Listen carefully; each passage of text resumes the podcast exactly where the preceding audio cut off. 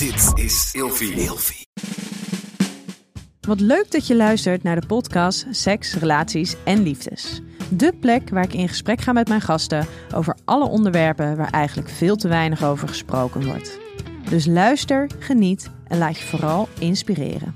Ja, welkom bij een nieuwe aflevering van Seks, Relaties en Liefdes. En aan tafel vandaag twee dames, namelijk de zussen Veronne en Fleur van Bureau Liefhebbers. Welkom dames. Dank je. Leuk er te zijn. Ja, hey, jullie willen niets liever dan dat ouders ook na de komst van kinderen nog lovers blijven. En dat is precies waar wij het over gaan hebben in deze aflevering.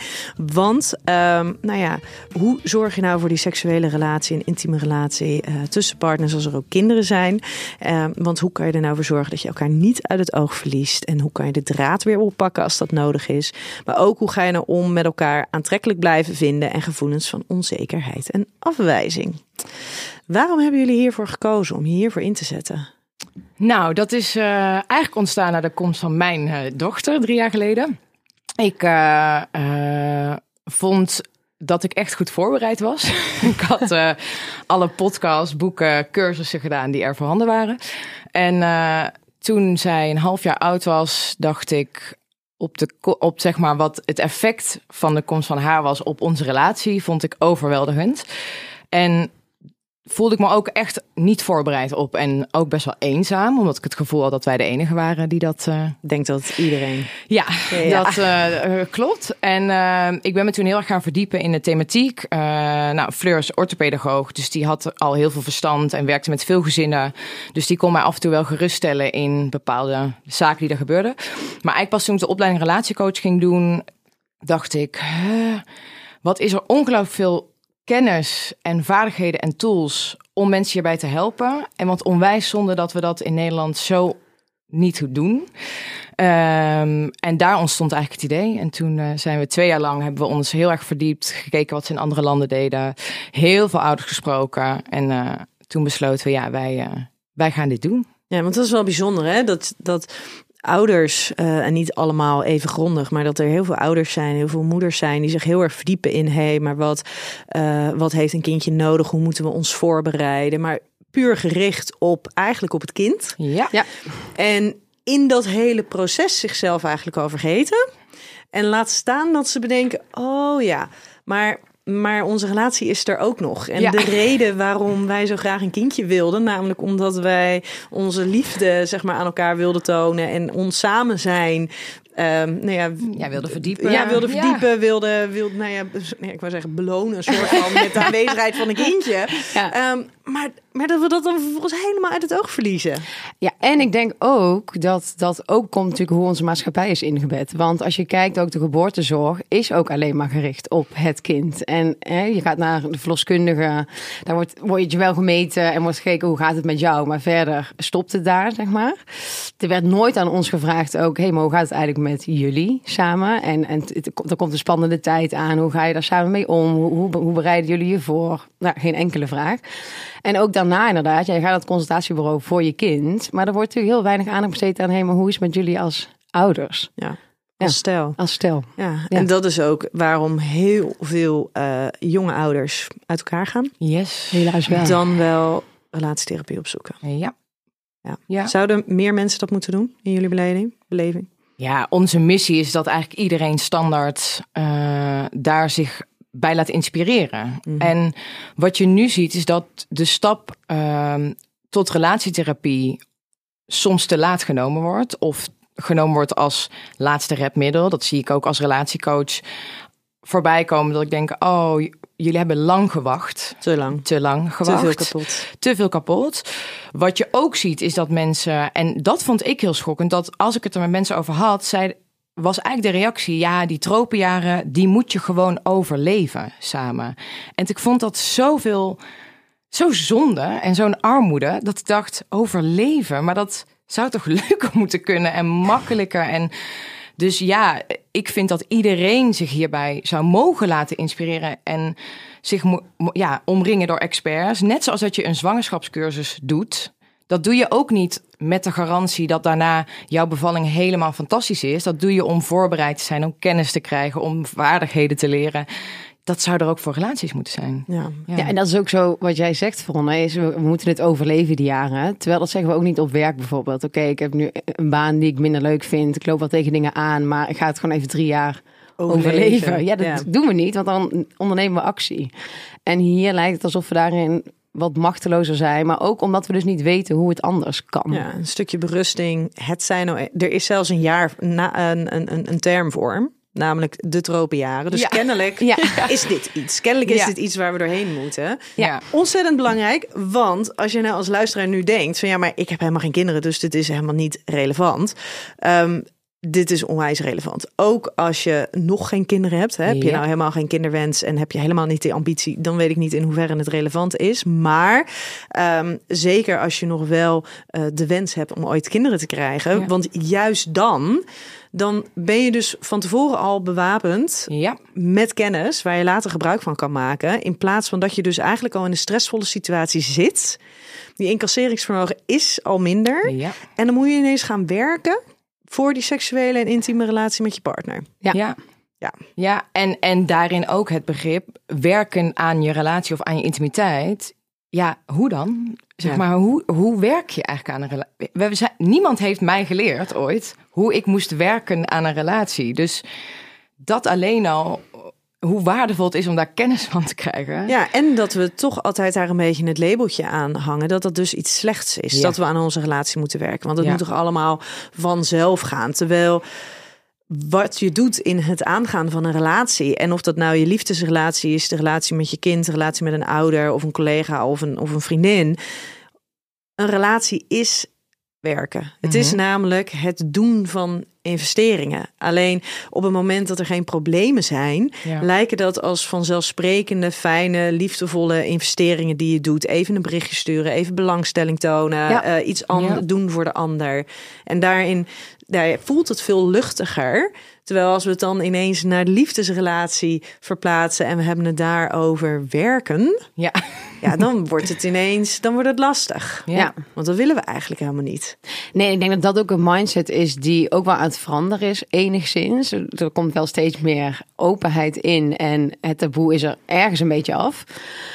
Maar ik denk ook vooral, kijk op werk bijvoorbeeld, wat ik net ook zei, daar heb je ook om het half jaar of elke half jaar een evaluatiegesprek met je leidinggevende van, hey, hoe zit je erbij? Ehm, wat gaat goed? Wat gaat er minder? Wa- waar wil je aan werken? En dat vinden we minder spannend. Nou, ik weet niet hoor. Maar doe maar alsjeblieft die relatiecheck-ups. eh Nee, maar dat is het gekke. En hetzelfde met sporten. Ja, kunnen we ook prima zelf. Maar dan vinden we het ook heerlijk om met een personal trainer een keer aan de slag te gaan. Om gewoon geïnspireerd te worden en even te kijken, oh ja, zo kan het ook. Ja.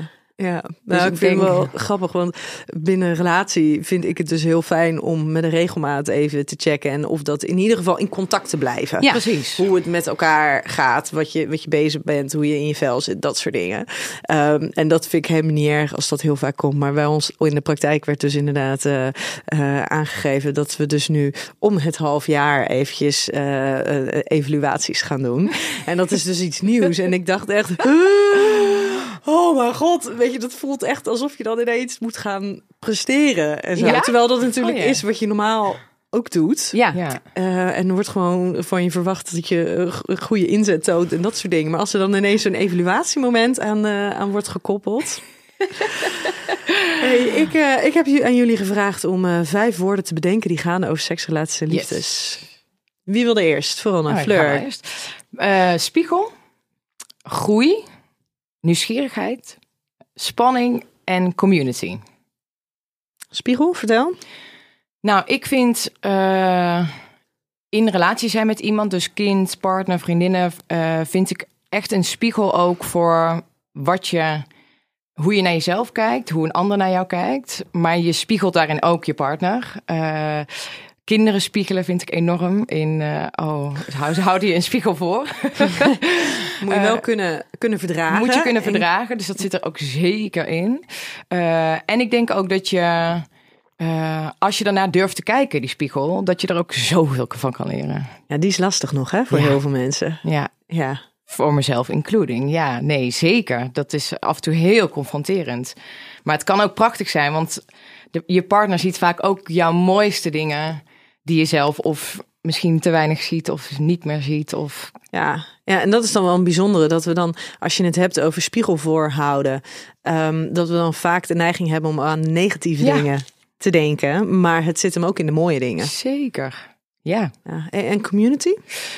Ja, ik eh, ben me de afgelopen jaren, ik denk ook na de komst van kinderen, steeds meer gaan realiseren dat de liefde en, en wat je zoekt in een relatie en überhaupt als mens in het leven, ehm, dat de nadruk daar steeds meer komt te liggen op dat je dat zoekt in je partner. Dus jouw partner moet voorzien in alle behoeftes en die moet alles voor jou zijn. En, en, en, en eh, terwijl ik juist steeds met de conclusie kom dat je als je dat meer omdraait en dat uit veel meer mensen haalt, uit familie, vriendinnen, eh, eh, experts, dat dat nog veel meer rijkdom geeft. En dat je daarin ook je, de druk op de relatie wat kan verlichten. Dus ik zie ook de liefde en ook mijn relatie meer bloeien als je dat met een community om je heen mag doen en Ja. kan doen. Ja, dus voor mij is dat echt belangrijk. En steeds belangrijker.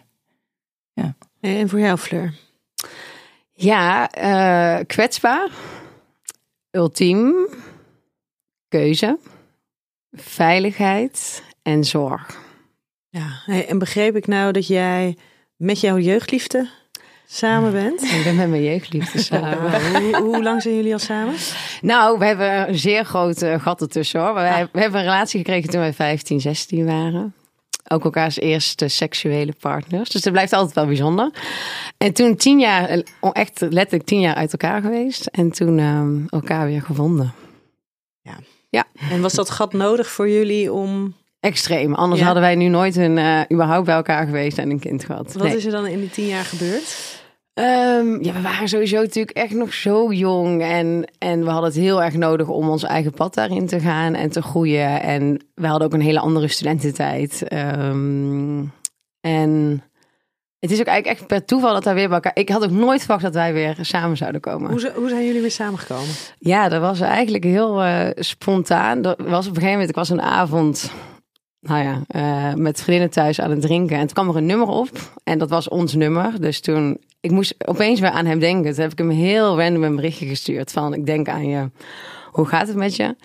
Toen hebben wij eigenlijk die hele nacht een beetje geappt. En de volgende dag wist ik daar niet heel veel meer van. Maar toen zei hij de volgende dag van, belde hij me op. Zei hij, oké, hoe is het? Moeten we elkaar niet even zien? Gewoon leuk om, eh, nou ja, weer een keer bij te kletsen. En toen eigenlijk vanaf moment één dat we elkaar zagen, ja, was er weer die vonk. En, Nou, wat eh, mooi. ja, Of Valentijnsdag toch? Uiteindelijk ook nog. Die Ja. eerste date weer. ja. En we- Expres of per ja, expres, want wij hebben toen voor het eerst seks gehad op Valentijnsdag. Oeh, dus jullie dachten ze gaan voor de romantiek en dan is het cirkeltje weer rond. Oh, het is toch vreselijk. Ja. Ja. En uiteindelijk kwam ik er ook nog achter dat het nummer wat ik naar hem stuurde... Was helemaal niet zo Maar goed, hij is er leuk in meegegaan. Ja, en de romantiek van Valentijn zit hij er nog steeds in? Die zit er nog steeds in, maar wel eh, op een andere manier. Ja, ik denk ehm, zeker. We hebben eigenlijk altijd, zeker voordat Lola kwam, onze, onze dochter, waren wij heel tevreden eigenlijk over ons seksleven en intimiteit. En daarna is dat echt wel veranderd en zijn we daar nu. Hebben we daar beter ons weg in gevonden, maar daar zijn we afgelopen anderhalf jaar wel zoekende in geweest. Ja. Bijzonder is dat toch, hè? Hoe dat eigenlijk, nou ja, eigenlijk bij iedereen Ja. echt wel zo werkt. Ja. Dat gewoon die komst van die kinderen, dat dat, dat, dat zo'n impact heeft op Ja. dat stukje seksualiteit. En Ja. dat, hoe goed je er ook tegen denkt te wapenen, dat je er bijna niet aan ontkomt. Nee. Nee. Hey, Nee. ik heb voor jullie eh, de vijf kutkeuzes. En aangezien jullie met z'n tweeën zijn, Kom maar op. ehm moet je wel allebei jullie eigen kiezen. Ja. Ja. Ja? Seksualiteit of intimiteit? Intimiteit. Intimiteit. Schaamte verbergen of kwetsbaarheid tonen? Kwetsbaarheid tonen. Ja, kwetsbaarheid tonen. Dus, ja. Eh, Is dat iets wat jullie vanuit huis uit hebben meegekregen? ja en nee, zou Ja. ik eigenlijk zeggen. ik denk dat twijfel. wat er wel heel erg in onze opvoeding zat, eh, ons vader is leraar. Eh, dus het mogen leren en het eh, open praten zat er heel erg in bij ons thuis. Ik denk dat vriendinnen, maar zelfs mijn vriend toen hij bij ons voor het eerst thuis kwam, zei: Jeetje, oké, het gaat wel echt overal over. Er zit weinig schaamte in onze familie. Er wordt er echt over alles wordt er gepraat. Dus zeker dan een ja. Ik denk als ik naar onze ouders zijn uiteindelijk uit elkaar gegaan. En als ik kijk naar het tonen van emoties en dat er mogen zijn. Dus verdriet, woede, boosheid. Dat hoort natuurlijk allemaal bij kwetsbaar, kwetsbaar mogen zijn. Ja. Ik denk dat daar sneller toegewerkt werd naar een oplossing. Dus, dus oké, We gaan het oplossen, ja. het komt goed. En Ja. minder stilstaan bij. Soms ook even kunnen verdragen dat het Ja. gewoon even niet goed is. ja. Ja. En in plaats van gewoon even luisteren was het, wat kunnen we eraan doen? Ja. Ja. Affectie tussen ouders tonen of verbergen? Zo. Ja. Tonen, ja. Vol overgaan. Ja. ja, wij zijn ook fysiek heel erg, wij zijn heel aanrakerig met elkaar. Ehm, ja, en ik denk dat dat een heel mooi voorbeeld is voor onze dochter. Ja, en jij weet als geen ander wat het doet voor kinderen. Ja, ook dat. Ja, eh, Maar ook vanuit eigen ervaring of vanuit beroepsmatige? beroepsmatige en natuurlijk ook eigen ervaring. Daar hebben we, ik heb er wel over nagedacht en ik kon niet meer heel goed herinneren. Waren, waren papa en mama heel aanrakerig? Niet Ja, per se. Nee. Er was wel veel naaktheid. Iedereen liep altijd naakt soort van in huis. Dus die, die- die heb ik heel erg meegenomen. Maar ehm, zeker, kinderen groeien natuurlijk op bij ouders. En eigenlijk zijn ouders de eerste kennismaking die kinderen hebben met een intieme relatie. En onbewust krijg je natuurlijk heel veel boodschappen daarin mee als kind. En, en mag, mag die aanraking er zijn? Hoe, hoe werd dat gedaan? Raakten ouders elkaar überhaupt aan? Werd er soms gekust? Ehm, en dat zijn natuurlijk wel allemaal boodschappen die kinderen met zich meenemen. En wat straal je als ouders uit? Is, dat, is die intieme relatie een plezierig onderdeel van de relatie? Of is het iets wat verborgen is? Of waar schaamte over is? Of... En daar zie je natuurlijk wel vaak in dat mensen op latere leeftijd... in hun eigen relaties daar natuurlijk tegenaan lopen. Ja, of dat meenemen. Of het meenemen. En daar heel erg nou ja, zoekende in zijn. Ja, en ik vind dat ook wel het bijzonder als ik dan naar mijn ouders kijk. En mijn vader die, die was er vrijwel nooit, maar eh, omdat hij altijd aan het werk was. Maar mijn moeder die is iemand die is heel erg van het fysieke contact. Dus met de kinderen heel erg knuffelen, kroelen. eh, alles. En hè, s'avonds op de bank lekker met de kinderen eromheen en zo. Dus daar was altijd heel veel fysiek contact. Maar als ik dan inderdaad het heb met anderen over hoe dat tussen ouders was. Ik ben me telkens ook meer gaan realiseren. En ook nu als ik mijn ouders zie. Dat, dat, dat als, ik, als mijn vader dan ehm, affectie toont naar mijn moeder toe. Dat ze er een bijna een soort van het niet eens weet hoe ze het moet ontvangen. Ja. En dan denk ik, hè? Maar die vrouw die is dus zo gesteld op eh, het tonen van affectie en, en fysiek contact. Maar Ja. dat dat met kinderen dus zo anders werkt, kennelijk, Ja. dan tussen partners. Ja. Ja. En daarin heb ik ook wel een groot verschil gezien toen onze ouders uit elkaar gingen. Nu zie ik met, ze hebben allebei een nieuwe partner, zie ik veel meer weer die, die intimiteit. En, en dan denk ik, oh, het is zo lekker om te zien dat dat dus Ja. ook kan. Ja. Maar en dan ben ik benieuwd, hè? wat zijn jouw ideeën daarover? Heb je dan het idee, oh kennelijk ehm, vinden ze hun nieuwe partner leuker? Voelen ze zich daar vrijer in? Is dit iets wat nou ja, nu ineens wel binnen het script van de relatie mag? Of denk je dat het is doordat nou ja, zij geen kinderen hebben gekregen en daardoor dus gewoon nou ja, daar de impact van niet op hun relatie hebben gehad? Ja, ik denk dat heel veel van deze factoren die jij Ja. noemt in het rijtje passen. Ik, ik denk ook, zij zaten met elkaar in een bepaald patroon en dynamiek. En zij waren al zo jong bij elkaar dat dat misschien dus op een gegeven moment minder is geworden. En dat ze zichzelf weer hebben heruitgevonden bij een nieuwe partner. En misschien veel meer dus weer bij hun behoeften zijn gekomen van wat wil ik eigenlijk? En wat vind ik belangrijk? Want papa is sowieso heel intiem en, Ja. en van de aanraking. En ik denk dat ze dat op een gegeven moment dus zijn kwijtgeraakt bij elkaar. En dus dat hij dat nu weer veel meer, misschien zich dus ook veiliger voelt om dat, nou ja, ja, om weer meer bij zichzelf daarin. En mama ook, want mama is daarin ook met haar Ja. partner. Ja, en ik denk wel. eh, ik heb het ook wel eens gevraagd. Als, leuk als onze ouders luisteren. Nee, zij, zij hadden wel een heel eh, actief seksleven, ook met ons als kinderen. En eh, ehm, dat heb ik wel altijd ergens meegenomen of gevoeld of gesnapt. Er was wel, dat was ook niet de reden dat ze uiteindelijk uit elkaar zijn gegaan. Dus ik denk dat eh, dat onderdeel er wel altijd mocht zijn. Daar werd ook over gepraat. Stelde we ook, daar stelden zij ook vragen over. Er was heel veel vrijheid wel daarin hoor. Ja.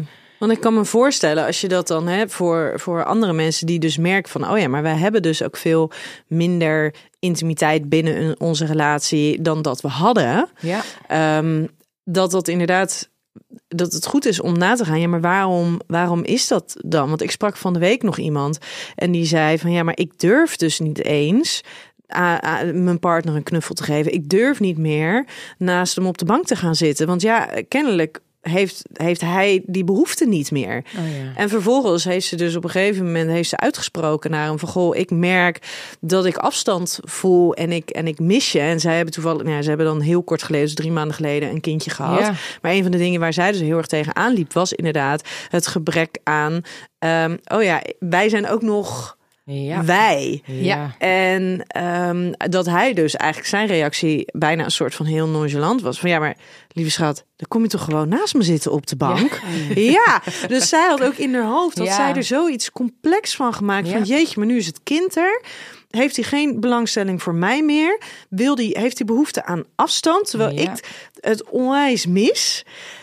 En zij, voor haar was het zoiets groots geworden. Ja. Ja. Terwijl simpelweg met het uitspreken van... hey, ik, ik mis je, ik heb behoefte aan... ja. dat daar, dat daar dus nou ja, zoveel al weg, Ongelooflijk. weggenomen. Ongelooflijk. En ook heel knap van haar, want wat natuurlijk het risico daarin is, is dat er veel meer gecommuniceerd wordt in verwijten. Van inderdaad, je wil me niet meer of je geeft me geen aandacht meer. Terwijl We als je kan praten seks. vanuit die behoefte en ik, ik mis jou, ik wil, ik wil weer Ja. wij zijn, dan heb je een gesprek. Maar dat is wel wat wij ook merken. Dat is precies wat zo moeilijk is. Praat er maar eens over met Ja, en als je Ja. het dan hebt over die kwetsbaarheid... het maakt onwijs kwetsbaar. Want als jij tegen je partner zegt... ik mis je, ik heb het nodig dat je, dat je me vasthoudt... ik wil zo graag met je zoenen... Kwetsbaarheid gaat over ehm, de onzekerheid van de reactie van je partner kunnen verdragen. Ja. Dus als jij dat aangeeft naar je partner en jouw partner zegt, nou ja, sorry, maar nou ja, ik heb nergens last van. Of nou ja, ik vind het eigenlijk wel prima zo. Ja. Ah man, dat doet pijn. Ja.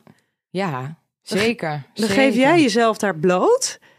Dus dat maakt tegelijkertijd natuurlijk ook waarom het makkelijker wordt voor mensen om in verwijten te praten. Van ja, maar jij geeft me geen aandacht. Ja. Of jij Ja. neemt afstand. Dat is veel, mm, nou ja, lijkt op korte termijn veel makkelijker Ja, zeker.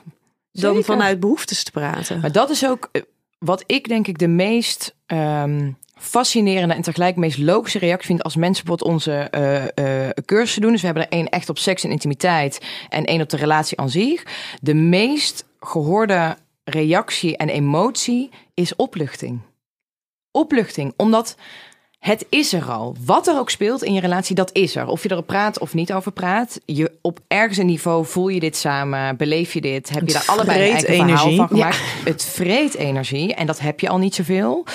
Ehm, en waar je dus achter komt als je op de juiste manier vragen stelt en de gesprekken voert, is dat eigenlijk heel veel mensen denken: oh, oh maar het is helemaal niet zo. Ja. Erg, Soms is het moeilijk, letterlijk die, die, die muis waar een olifant van is gemaakt. Hè?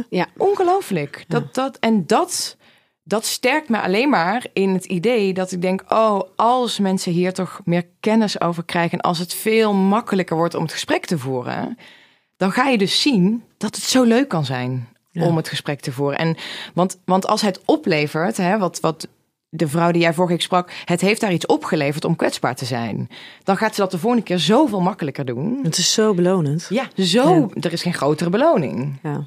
Ja. En ook voor, ze geeft daarmee hem ook een voorbeeld van: hey, als jij dus behoefte hebt, spreekt die uit. Ja. En dan gaan we samen over in gesprek. Ja, nou En- betreft het een man die heel erg met het idee van mannelijkheid en stoer Ja. zijn en vooral geen emoties tonen Ja.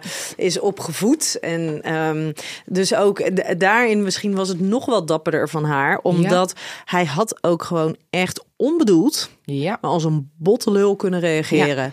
Op haar kwetsbaarheid. En niet omdat hij niet om de geeft of er niet serieus Nee. neemt, maar gewoon vanuit niet weten Ja. hoe je op zo'n op zo'n nou ja, vorm van kwetsbaarheid moet reageren. Ja. Ja. Ja. Hey, we hebben nog twee kutkozes. Ja. Ehm, kinderen nemen of geen kinderen nemen? ja. Dat kun je gewoon bijna niet zeggen als je. Nou, ik heb wel eens gezegd. ehm, ik heb een vriendin die eh, heel erg twijfelt of ze kinderen wil. En eigenlijk, nou, ze wil eigenlijk geen kinderen, maar haar partner wel. En dat maakt dat zij zichzelf ook verplicht voelt op een hele positieve manier om erover na te denken. Wat je heeft- ook wel denk ik ook wel verantwoord bent naar je partner. je om het in ieder geval heel serieus. Ja, heel Ja. serieus. eh. En zij heeft mij wel een keer de vraag gesteld: ben jij nu gelukkiger met kinderen? Vond ik een goede vraag. En ik heb daar ook wel eens eerlijk gezegd: ik heb ehm, over de basislinie weet ik echt niet of ik gelukkiger ben met kinderen. Ik heb wel gevoelens die ik hiervoor nooit heb gehad, zowel in geluk, maar ook in in Machteloosheid, machteloosheid, zorgen, eh, verantwoordelijkheid. Ehm, dus ik, ik eh, en alle clichés zijn waar. Nu, nu je ze hebt, wil, je- wil, je- zou je niet meer iets anders willen. Maar ik, ik ben niet per se een bepleiter voor kinderen is de holy grail. En, en dat maakt uiteindelijk het meest gelukkig. Dat weet ik echt niet. Nee. En voor Nee. jou? Ja, ik, zou- we gaan wel veel kinderen nemen. Maar dat komt ook omdat ik, ik vind die kleine mensen gewoon fascinerend. En ik vind het wel ook heel veel toevoegen in, in ons leven. Ehm, maar ik ben het wel eens met, met wat Veronne zegt. Of het nou per se of per definitie gelukkiger maakt, weet ik niet. Maar ik denk wel misschien dat de pieken en dalen hoger zijn. En gelukkig heb ik meer pieken dan dalen. Dus dat- in die zin Ja. zitten we aan de positieve kant. Ehm, Maar er zijn ook mensen die hebben meer dalen. Ja, zeker. Zeker. Ja. Zeker. En want mijn man die zegt altijd van nou, ik adviseer ze aan niemand. Ik zou er niet aan beginnen. Echt gewoon keihard.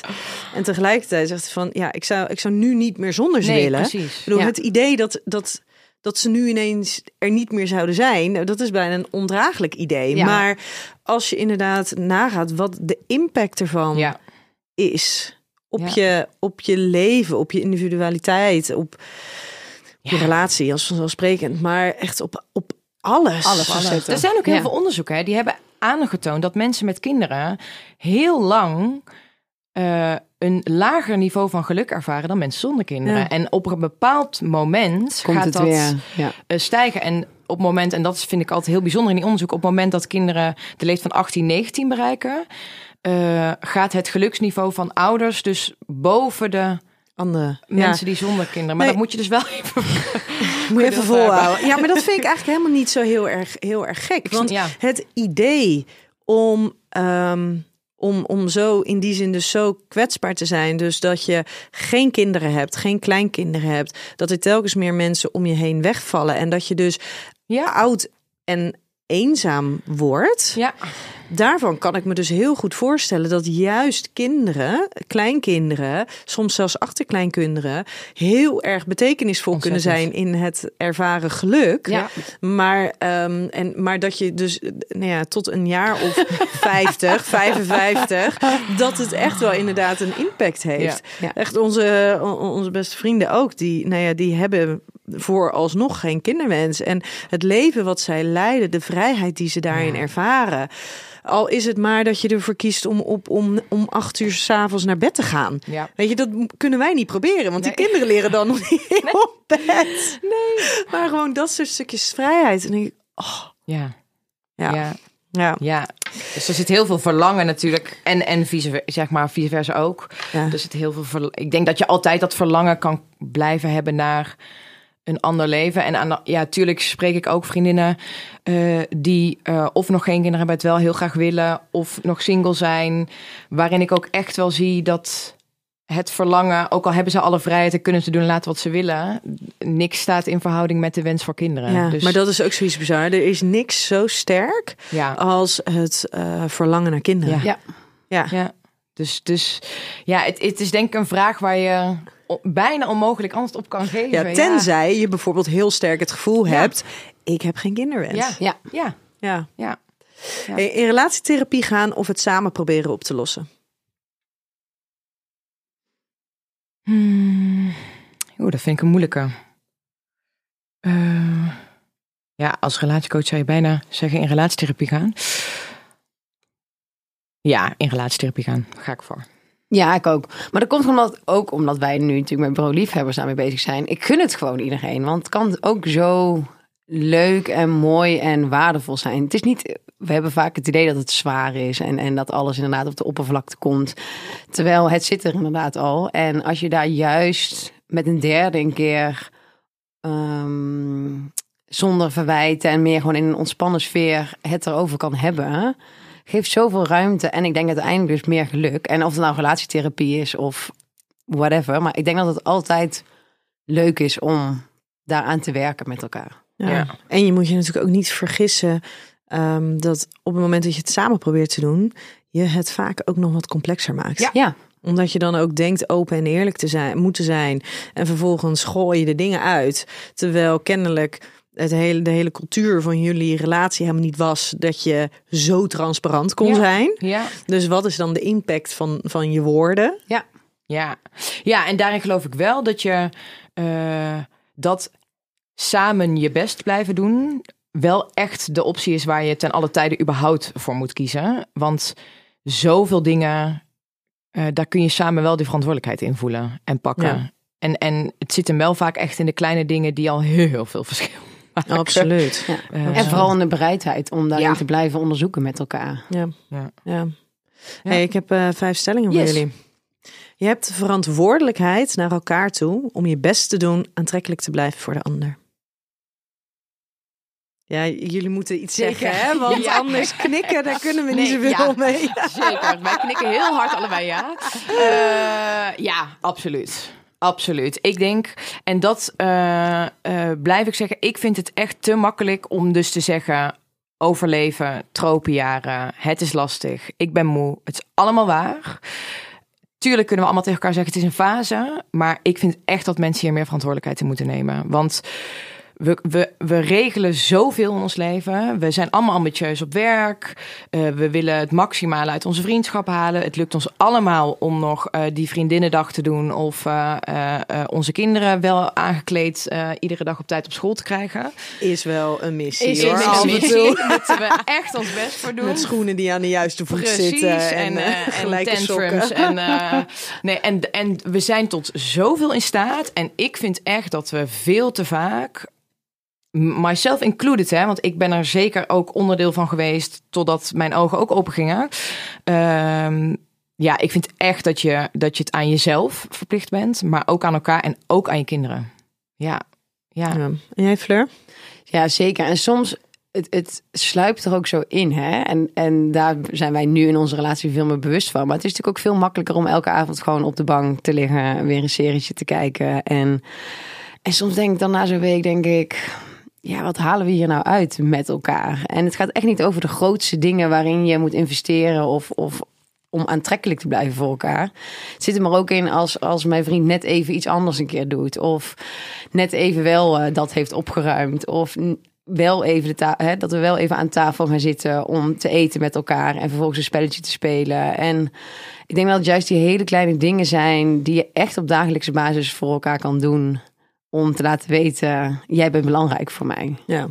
Ja, en daarin aantrekkelijk vinden. Heel veel mensen denken dat het puur en alleen om het uiterlijk gaat. Maar er zit natuurlijk, het is veel meer dan dat. Het gaat over een stukje zelfzorg. Het gaat over, blijf je in, in beweging. ja. Dat zijn denk ik twee hele belangrijke dingen. Want heel veel mensen zeggen, ja, maar ja, mag ik dan... ehm, ja, ja, ik, ik, ik vind mijn partner die is, eh, is 20 kilo aangevallen, eh, aangekomen. Maar eh, ja, dan mag ik dan niks... Ja, eigenlijk vind ik dat ik daar niks van mag vinden. Ja, maar waar, waar staat dat aankomen voor? Gaat Ja. dat namelijk... Als, dat gaat over, weet je, ik ben hartstikke gelukkig, maar ik ben niet meer zo met mijn voeding bezig. Maar ik lach en ik Ja. ben blij. En dat, ja. Ja. dan is dat een hele andere 20 kilo dan wanneer je ziet dat je partner elke avond alleen maar op de bank zit. Alleen maar chips aan het eten is. Ja. Niet meer aan het lachen is. Niet meer aan het genieten is. En gewoon een soort van aan het wegkwijnen is. Ja. Weet je, en daar zit echt wel een enorme nuance in. Absoluut, absoluut. En je ziet toch ook, bedoel, tuurlijk, eh, eh, wij hebben zelf allebei super jonge kinderen. Wij pleiten er echt niet voor dat jij iedere avond een, eh, je strakste pakje aantrekt en eh, eh, met, met het, nieuwste lingerie setje naar boven loopt. En nee, totaal niet. Maar je hoeft ook niet iedere avond in je na- eh, op de bank te ploffen samen. Of ja. En het hoeft ook niet eens om de avonden te gaan. Nee, hè? Ook als je of in de weekenden, ochtends, of- als je naar je werk gaat, of eh, dat, je, dat je dan net eventjes er, er lekker fris uitziet. En Ja. dat je even bewust naar je partner kijkt. En dat je in dat soort momenten ook. Wij hebben wel eens een keer, een, wij, wij eh, eh, geven iedere week een, een In the Name of Love challenge. Een opdracht voor mensen om weer even een soort van stil te staan. Heel klein. Eén keer was de opdracht, oké, geef eens op één dag net zoveel kusjes aan je partner als dat je aan je kind geeft die dag. Eén dag. Ja, dat is echt super moeilijk. Dat, dat, dat, dat is echt een challenge. Zonder grap. Echt een challenge. Want wat jij zegt, wat jouw moeder. Je, je wilt. nou, Tenminste, ik wil het liefst de hele dag aan mijn kinderen eh, knuffelen, ruiken, kussen. Nou, doe dat maar eens één dag met je partner. Ja, het is, het is alleen al leuk voor je bewustzijn. Ja, het was natuurlijk met de knipoog. Maar wel, Ja. zit wel aan het denken. Want heel veel mensen kwamen daarna ook op terug van... Wow, het heeft me echt aan het denken gezet. Omdat je dan pas beseft hoe uit balans het is. En het hoeft ook helemaal niet in balans te zijn. Maar wel, ja, dat is wel wat er gebeurt Ja. na de komst van kinderen. Ja, hey, en als ik aan jullie zou vragen, hè, wat is iets wat jij specifiek doet in het kader van aantrekkelijk blijven? Voor je partner. Waarvan, wat doe jij omdat jij weet dat jouw partner dat prettig vindt? En dat kan over van alles gaan. Ja. Maar in ieder geval over iets wat jij, nou ja, wat jij met je meedraagt, wat jij doet. Ik denk dat mijn partner vindt het eh, heel aantrekkelijk. Ja, dat klinkt ook heel raar, maar die vindt mij op mijn meest aantrekkelijke als ik eigenlijk in mijn meest ontspannen fase ben. Dus als ik de bemoeiende moeder ben die overal controle op wil houden en de hele dag in zo'n red race zit, dan vindt hij mij niet aantrekkelijk. Terwijl als ik zeg, we laten de teugels een beetje los, eh, we pakken nog even dat laatste avondzonnetje mee, eh, ja, dan liggen ze een uurtje later in bed en ik ben daar helemaal ontspannen en echt aan het genieten, dus, dus van het leven, dan vindt hij mij op mijn meest aantrekkelijk. En voor mij is ontspanning zoeken echt wel een uitdaging in het leven van eh, moeder zijn en ondernemer zijn. En, dus ik probeer daar wel bewust bij stil te staan dat hij, eh, als hij die behoefte uit, of ik zie bij hem dat, Dat hij dat nodig heeft? dat hij dat nodig heeft, dat ik daar echt wel alerter op Ja. ben. Terwijl Ja. het heel logisch is, hè? Want Ja.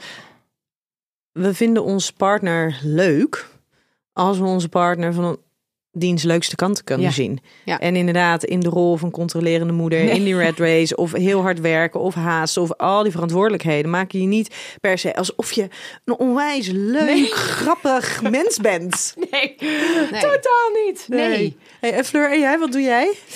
Ja, bij mij zit het er ook heel erg in, denk ik. Op het moment dat ik goed in mijn vel zit, dan kan ik ook goed aan zijn vel zitten, zeg ik dan wel eens. Maar dat is wel hoe het werkt. En bij mij zit het dan in het sporten en er gewoon wel verzorgd uitzien. Dat komt omdat ik me dan prettig voel en dan kan ik ook veel makkelijker geven. Ehm, en wat met betrekking tot onze intimiteit en seks. We hebben nu, ik heb nu paar weken geleden een erotische app aangemaakt voor ons tweeën. Nou, dan was hij helemaal een soort van eh, verrast. En daar sturen we nu dus regelmatig berichten op. maar Ehm, los van de dagelijkse... los van de dagelijkse. Oh, ehm, dat is een leuk idee. Ja, is ook echt heel leuk. Echt een aanrader. Ja, ik Ja, heb je bent hem ook. Zeker, zeker, zeker. Nou, dat komt dus ook omdat het dus en veel meer in je hoofd zit. Meteen Mhm. daardoor Ja. al. En het hoeft helemaal niet meteen dat er dus iets moet gebeuren. Maar het zijn gewoon even Maar je hoeft niet hele spannende filmpjes en zo te sturen. Hoeft niet, wordt wel gewaardeerd. Eh, maar dat zijn dan wel de dingen die, waardoor ik voor hem weer heel aantrekkelijk word. Je denkt, oh ja, je, je, bent, jij bent er weer op dat vlak ook. Jij bent mijn geliefde. Ja, Ja. Ja. ja. ja, want dat maakt het ook, hè, dat als wij een ander aantrekkelijk vinden, is het ook veel makkelijker om dat fysieke stukje op te zoeken. Of in de intimiteit, in een knuffel, in een streling, of inderdaad het, het seksuele Zeker. stukje. Ja. Ja, en zo'n Ja. appgroep maakt het bijvoorbeeld ook veel makkelijker. Want ik heb hem al wat langer dan Fleur. En wat ik dus merkte, daarom heb ik hem ook zeg maar gedaan, is dat je gaat niet naar een appje over, hey, wie haalt wie eh, die op van de kinderopvang en doe jij nog even boodschappen sturen? Oh, en trouwens, ik heb ook zin in je. Dat Ja. dat dat voelt. Terwijl of je leest hem niet, of het is een soort van, oké, eh, Eh, ik kan hem nu, ik kan hier even niks Nee. mee. Je kan hem ook niet ontvangen op dat Nee, moment. terwijl Ja. ik wel dus letterlijk laatst op hetzelfde moment dus iets stuurde over onze normale appgroep en tegelijkertijd over onze erotische appgroep Ja. en een, een, iets sexy stuurde. En dat kon dus wel. Ja, maar dat is gekaderd, hè? Daar houden we van. heel Ja. Kaders, zeker mannen, die duidelijkheid, dus structuur. Ja. ja. Heerlijk. Ik ga hem even in gedachten houden. Ja. Dat je als ouders een goed team bent, betekent niet dat je dit als geliefdes ook bent. Zeker. Nou, dat is wat wij eh, iedere dag zien. Sterker nog, ik denk dat dat het grootste gevaar is. Ja. Dat het heel misleidend zelfs kan zijn. Als je het als ouders onwijs rokt met elkaar en het mega lekker doet en die opvoeding loopt lekker en je, je kinderen zijn blij, dan is het heel verleidelijk om te denken: het gaat gewoon goed. Ja, en dat de seks minder is. En ja, dat we eh, de la- het laatste jaar misschien twee, drie keer eh, iets met, met z'n twee hebben gedaan. Ja, Komt Dat terzijde. weer. het Komt is prima weer. zo. Tropenjaren, hè? Ja, dat komt wel weer. Pakken we daarna wel weer op. Ja. ja. En dat maakt ook dat wij echt mensen spreken die zeggen... Ja, en toen gingen de kinderen naar de basisschool. En toen waren we elkaar kwijt. Hoe goed team we ook waren. En die of uit elkaar gaan of echt heel hard moeten werken om dat weer te gaan vinden. Maar je kan ook natuurlijk niet verwachten als je dat, laten we dan even nu de basisschool nemen, vier, vijf jaar verwaarloost op een bepaalde manier, dat je het daarna inderdaad weer op kan pakken. Eventjes. Ja. Eventjes, ja. Eventjes. Want, Want, je, je ja. verandert als mens, überhaupt is het leven veranderd.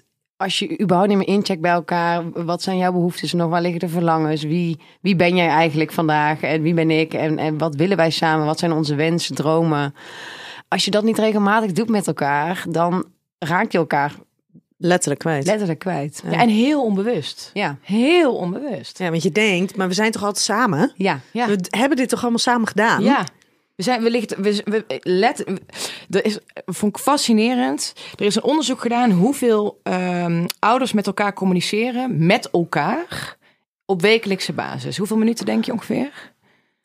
Ja, volgens mij, Uren, volgens mij was het een half uur per dag of zo. Of 49 minuten in een week. Wat? Dat je echt Ja, met zit- elkaar ja. in gesprek bent. ja, ik ben niet heel erg representatief Nee, hiervoor. waarschijnlijk Dus uitzonderingen. eh, ja. Nee, Ja. dus dit is gemiddeld. Nou, Ja. er zullen zeker ouders zijn die het veel meer. Maar als ik naar mijn gemiddelde schermtijd kijk, dan is die natuurlijk op een dag al drie keer zo hoog als dit. Dus het is, het is echt ook onbewust, omdat je dus het als vanzelfsprekend ziet. Wij zijn heel veel tijd samen, we zijn iedere dag avond samen. Maar dat wil dus niet zeggen dat die verbinding en die, dat stukje romantiek en intimiteit en seks, dat dat dan er maar blijft bestaan. Ja, en bij ons is het juist andersom. Bij ons is het zo niet vanzelfsprekend dat we tijd samen hebben. Ja. Ja. Dus Ja, Ja. dat als we dan eh, de mogelijkheid hebben, dan ben. Ja. dan gaan we wel echt, hebben we wel echt gesprekken. Ja, en ik denk zelfs dat je de stelling nog om zou kunnen draaien. Ik denk oprecht dat je als ouderteam hè, dus het nog veel beter doet als je ook los blijft. Nou, dan gaan we naar de volgende stelling. Liever een goed team als geliefdes dan als ouders. Geliefdes. Ja, ik ook. Ja, zeker. Omdat dat inherent, zeg maar, dat is, dat heeft 100% effect op het andere. Sterker nog, als jij in verbinding bent met elkaar wat betreft geliefdes, dan kun je het in de opvoeding of als ouders zijnde het niet altijd eens zijn of denken, oké, wat is dit? Maar doordat je dus zo in verbinding bent met elkaar, kom je daar wel uit. Kan je veel meer incasseren, kan je veel meer Veel ruimte meer. geven, kan je veel meer en ook vertrouwen, vertrouwen, op. ja. Ja. Oké, doe dat maar dan op jouw manier. En we hebben het daar wel een andere keer over. Of niet. Of niet. Volgende keer ben wel. ik aan de beurt. Ja, ik vertrouw dat jij het beste voor hebt met onze kinderen. Dus ik laat jou je Ja. ding doen. Is dit iets wat jullie, ehm, voordat jullie kinderen eh, kregen, ook zouden hebben gezegd? Dat denk ik niet. Zo duidelijk, zeg maar. Nee, omdat ik toen helemaal niet zo bewust was, één, van de splitsing. Ik dacht, dat is één ding. Dus ik zou de vraag waarschijnlijk niet eens hebben begrepen. Ja, wij zijn toch wij, dus hoezo Ja, zou dat ineens anders ben je zijn? dadelijk iets anders? Ja. Je bent toch dan ook nog steeds geliefd als ouder? Nee, dus ik zou, ik, ik zou echt letterlijk de vraag niet hebben begrepen. En ik denk dat, dat mensen die nu luisteren nog met een kinderwens... of dat die ook denken, huh? Oh ja, zijn dat dan echt twee verschillende dingen? Ja, dat zijn dus echt twee verschillende dingen. Ja. Ja. Ja, ja. Gevoelens van afwijzing en onzekerheid kunnen het opzoeken van intimiteit en seksualiteit heel moeilijk maken. Ja, zeker. Wij, wij zaten op een gegeven moment wel na de komst van onze dochter. Merk je ook een beetje wat, denk ik, aangeleerd gedrag ook is. De man is de initiator van, van seks en de vrouw wijst af of, of accepteert. Dat was bij ons op een gegeven moment wel een patroon. Want mijn vriend had daar meer behoefte aan. Ik was daar meer zoekende in. En toen we ons in gingen verdiepen en andere gesprekken in gingen voeren, kwamen we ook ergens. Maar het maakte wel dat we echt in zo'n cirkeltje terecht kwamen. Hij voelde zich natuurlijk ook afgewezen. Ehm, ik werd daar onzeker van, omdat ik ook dacht: ligt het dan aan mij? Ligt het aan ons? Eh, wat, is hier aan de hand? En als je alleen maar dat gesprek natuurlijk blijft voeren, kom, we kwamen we dus ook er niet uit, want we bleven daar een beetje in hangen. En op een gegeven moment konden we daar een ander gesprek over voeren, waardoor we dus ook meer seks hadden uiteindelijk, omdat we elkaar beter begrepen en nou ja, hij veel beter wist wat ik nodig had om daar te komen. En dus niet de vraag stelde, oké, we, gaan weer. Of ik wil seks. Maar dan wist hij, oké, zij heeft het nodig bijvoorbeeld dat we eerst een avond samen zijn. Dat we leuke dingen doen. En dan komt dat vanzelf wel. Maar ik denk wel dat het het veel moeilijker maakt als, als het thema afwijzing is en onzekerheid. Om, om het dan op te blijven zoeken, super ingewikkeld. Ja. Ja, en wat ik daarin ook nog, wat ik dus heel erg heb gemerkt, dat ik gaf net aan, hè, waarom zijn we überhaupt gestart? Ik vind echt dat eh, hè, na zes weken kun je weer seks hebben, eh, zo'n eerste jaar na de bevalling, je hele lijf is veranderd. Je hormonen gieren door je lijf. Bij je man gebeurt er van alles. Ik was totaal niet bezig met seks en intimiteit. Ehm, en omdat ik hier dus zo weinig kennis over had, en omdat ik dus niet wist wat is normaal, word je werd ik per definitie onzeker. En dat vind ik zo jammer. Of heb ik ook echt erg gevonden na de hand. Dat ik dacht, oh, als ik me hier veel comfortabeler in had gevoeld en veel, uh, dan, dan was het niet zo van, oh, als dan vriendinnen vroegen van, oh ja, hebben jullie nog seks? Dat ik soort van bijna ging liegen van, oh ja, ja, ja, om maar niet toe te durven, ja, te geven dat, dat dat bij ons heel weinig was. En toen ik het wel ging doen, Oh, in één keer gingen er mensen ook al even wat vertellen. Of, of kwam in één keer het gesprek op gang. Of en überhaupt de boodschap die je krijgt. Na zes weken mag je weer seks hebben. Terwijl... Nou, jouw verloskundige... Nee, dat is medisch advies, hè? Want ja. Ja, om na zes weken zou het eventueel weer, weer kunnen. Medisch. kunnen. Ja. ja. Tenzij er natuurlijk complicaties zijn geweest waardoor het niet kan. Ja. Nee, en inderdaad, wat jij net zegt, mij, ik had een kraamzorg, was een fantastische vrouw. En die zei op een gegeven moment, zei ze, maar Fleur, met jouw mond is niks mis, hè? Oh, ja, maar dat is natuurlijk wel ook een bijzondere. De focus wordt dan zo gelegd op, op, op penetratie, ja. seks. Ja. Nou ja, meteen weer naar de man. Er zijn natuurlijk ook gewoon een heleboel vrouwen die dat heel erg lekker vinden. Ja. Maar in ieder geval wel de focus op penetratieseks is seks. Ja, ja dat sowieso. Als, je, als je het inderdaad hebt over wel de behoefte hebben naar intimiteit en um, uh, daarin misschien ook voor jezelf die drempel niet te groot willen maken van jeetje, oké, maar hè, we mogen nu zes weken geen seks en dan moet je ineens weer. Ja. Dan kan je bijvoorbeeld inderdaad door, uh, door orale seks, door masturbatie, door gewoon het hele lijf te masseren, te strelen. Er zijn natuurlijk heel veel andere manieren te bedenken die, die wel gaan over seksualiteit ja. Um, en die voor heel veel mensen gewoon wel een stuk toegankelijker zijn.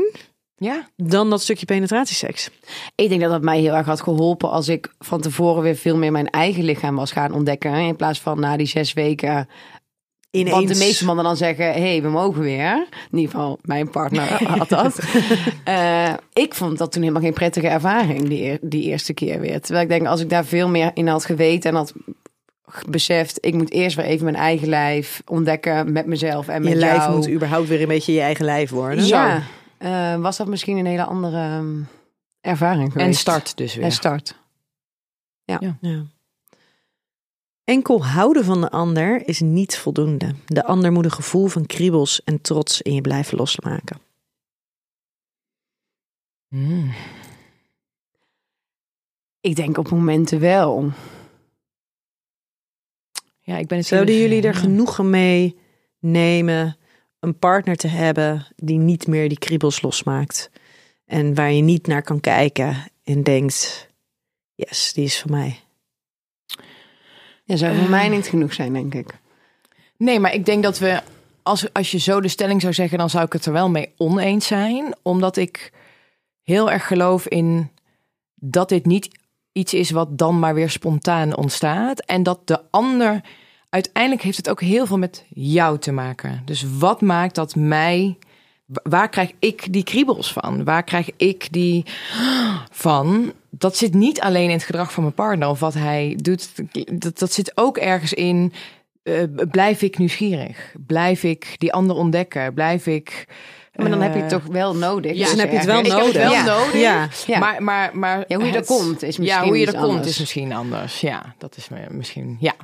Ja. Dus, hoe dit, ja, dus ik heb het zeker nodig, zeker nodig. Maar ik denk dus ook dat daar, als je van elkaar houdt, echt iets aan te doen is. Ja. Dat het niet iets is wat er is of niet. Dat is misschien meer waar ik dan op aanga. Maar dat je dus, je hoeft geen, als je merkt van hé, hey, maar ik hou heel veel van de ander, maar hij, eh, hij maakt, maakt die kribbels niet meer in me los. Dat hoeft niet iets te zijn waar je genoeg mee hoeft te nemen. Nee. Nee. Sterker nog, nee. liever niet. Nee. Nee. Make the effort. Maar de- en daar zit misschien dan weer het, het, de wederzijdse verantwoordelijkheid in aantrekkelijk blijven voor elkaar. Want Ja. ik ben het absoluut met je eens dat een, de ander kunnen zien, zit natuurlijk voor een heel groot gedeelte ook in jezelf. Sta je er zelf voor open? Ben je bereid om je best te doen? Zit je lekker in je vel? Ja. Is er de mogelijkheid om de ander te zien? Ja. Maar tegelijkertijd, als die andere als een sompige zoutzak en echt zichzelf volledig Nee. aan het verwaarlozen is, of lelijk naar jou doet, of zich helemaal aan het onttrekken is van, nou ja, in dit geval De dan ook het gezin en de verbinding. Ja, dan, dan ligt natuurlijk ook wel de verantwoordelijkheid bij de ander. Want dan kan je nog zo bereid zijn, Nee, 100 procent. Dan houdt maar op. gebeurt er niks. Nee, maar ik, ik mag hopen dat, dat, dat, dat we eh, ehm, met elkaar allemaal ergens het verlangen hebben dat dat er is in een relatie. Of dat je.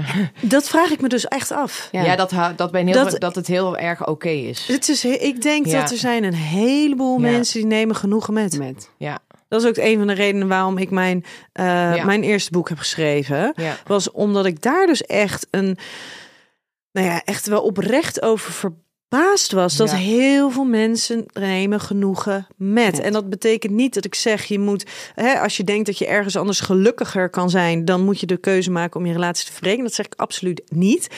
Maar in het genoegen nemen Ja. met, stop je dus ook met investeren. Oh ja. Sto- Naar, je, naar jezelf toe, naar je Ja. partner toe, naar je relatie toe. En weet je, het is zoiets, het kan zoiets moois zijn.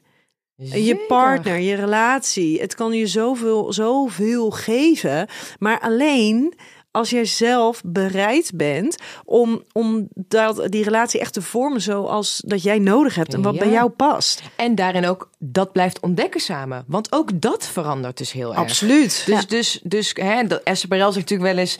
ehm, je, je, je trouwt misschien wel vier keer met dezelfde partner. Of, je, of die relatie.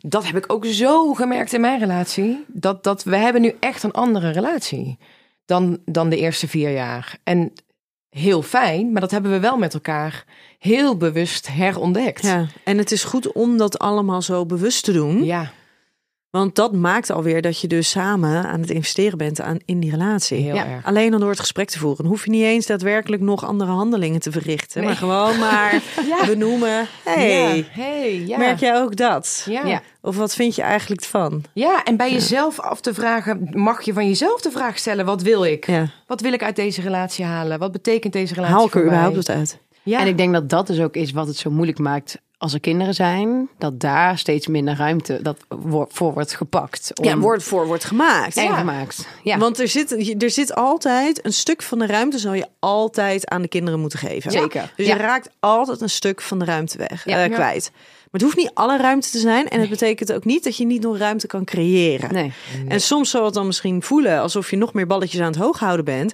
Maar als die balletjes een goudmijntje zijn, Ja, doe het ja alsjeblieft. als daardoor de rest honderd keer makkelijker gaat. Ja, omdat je veel meer kan incasseren. Je kan naar je partner kijken en denken, oh yes. Ja. In plaats van alleen maar, jezus, gaan we weer. Ja.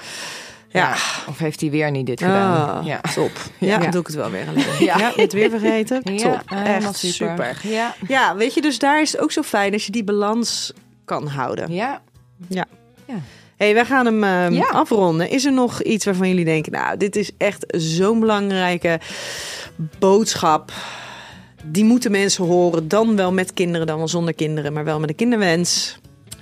Nou, ik denk wat voor mij de allermooiste, eh, het allermooiste inzicht was, is dat onze liefde de ruimte is waarin kinderen opgroeien. En dat, eh, en ik heb het al gezegd, maar het blijft echt het belangrijkste dat het is het zo waard om in je eigen geluk te investeren. Maar daarmee, als je iets voor je kinderen wil, wil creëren, betekenen, ja, vergeet dan vooral die liefde niet. Want dat is zo'n, zo'n belangrijke plek Ja. voor je kindjes. En jij, Ja. Fleur? Ja, ik sluit meer. Ik wilde eigenlijk de mic drop doen. Nee. Doe jij dat? Nou, Ja. dat is helemaal goed. Dat mag. Hey, dank jullie wel voor jullie eh, input. En ik hoop dat eh, mensen met en zonder kinderen nog eh, hier absoluut aan, wat aan gaan hebben. En lieve luisteraar, tot volgende week bij een nieuwe aflevering van Seks, Relaties en Liefdes.